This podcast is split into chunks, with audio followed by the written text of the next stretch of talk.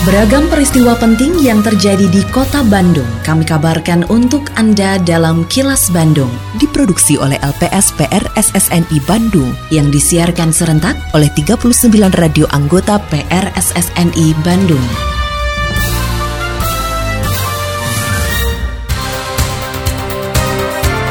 Sejumlah informasi aktual kami hadirkan untuk Anda dan inilah informasi utamanya.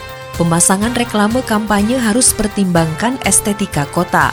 Tim pengaduan PPDB Jawa Barat tindak lanjuti dugaan kecurangan. Paguyuban Pasundan sambut positif kerjasama penempatan kerja ke Jepang. Saya, Santika Sari Sumantri, inilah kilas Bandung selengkapnya.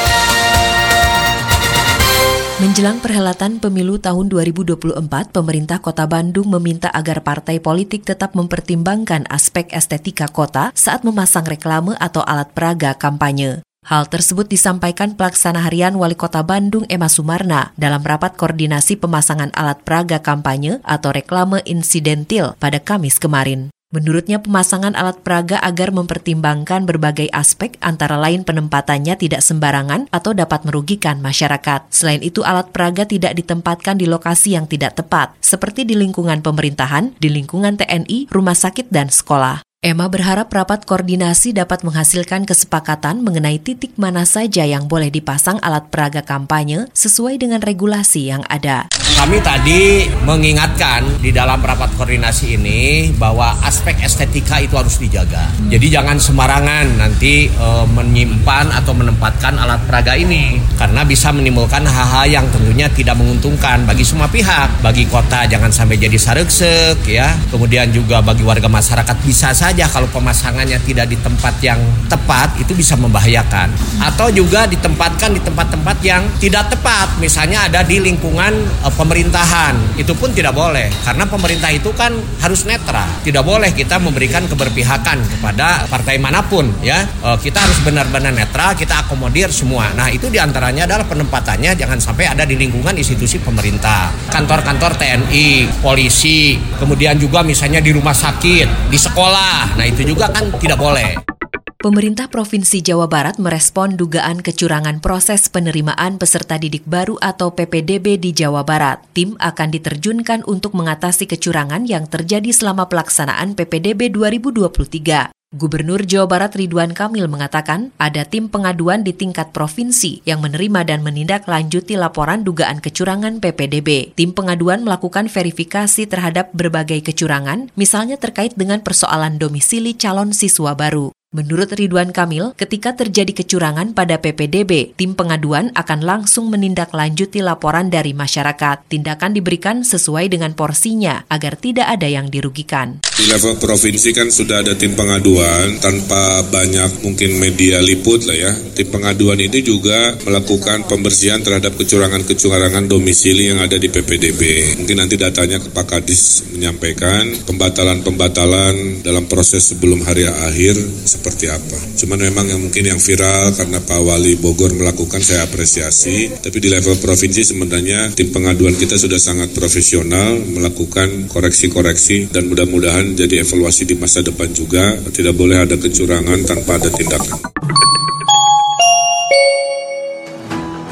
Halo pengguna jalan yang dermawan. Tidak memberi di jalan bukan berarti kita tidak peduli loh. Pilihan tempat donasi yang tidak tepat akan memiliki konsekuensi serta dampak negatif bagi anak jalanan, pengemis, gelandangan, pengamen, dan sejenisnya Salurkan donasi dan kepedulian kita untuk memotivasi agar mereka tidak berada di jalanan Nasib dan masa depan mereka terdampak dari cara dan pilihan para dermawan dalam memilih tempat, ruang, dan waktu di saat memberikan donasi Hati-hati di jalan ya. Semoga niat baik kita semua disertai tanggung jawab moral dan memiliki kebermanfaatan. Pesan ini dipersembahkan oleh Dinas Sosial Kota Bandung. Kini, audio podcast siaran Kilas Bandung dan berbagai informasi menarik lainnya bisa Anda akses di laman kilasbandungnews.com dalam upaya mempersiapkan kemampuan berbahasa dan budaya untuk mengisi peluang penempatan kerja ke Jepang, Paguyuban Pasundan dan ISO Jepang menandatangani kerjasama. Eksekutif Chairman ISO Jepang, Yadi Suryadi mengatakan, kerjasama ini dilakukan menyusul banyaknya angkatan kerja yang lulus dari lembaga pendidikan di bawah naungan paguyuban Pasundan, mulai dari tingkat SMA sederajat dan perguruan tinggi. Menurut Yadi, saat ini Jepang sedang membutuhkan lebih dari 300 ribu tenaga kerja dari luar negeri, termasuk dari Indonesia, untuk ditempatkan di 14 sektor industri terkait untuk program pemagangan internship spesifikasi worker atau SSW hmm. satu lagi untuk program engineering Pak. Jadi kita akan berencana untuk melakukan peminatan di kampus-kampus ataupun sekolah-sekolah yang di bawah afiliasi pegawai Pasundan ini ya. untuk membuka peminatan bagi siapa-siapa yang ingin bekerja ke Jepang. Kalau kebutuhan Jepang itu sendiri saat ini di 345.140 orang untuk mengisi 14 bidang.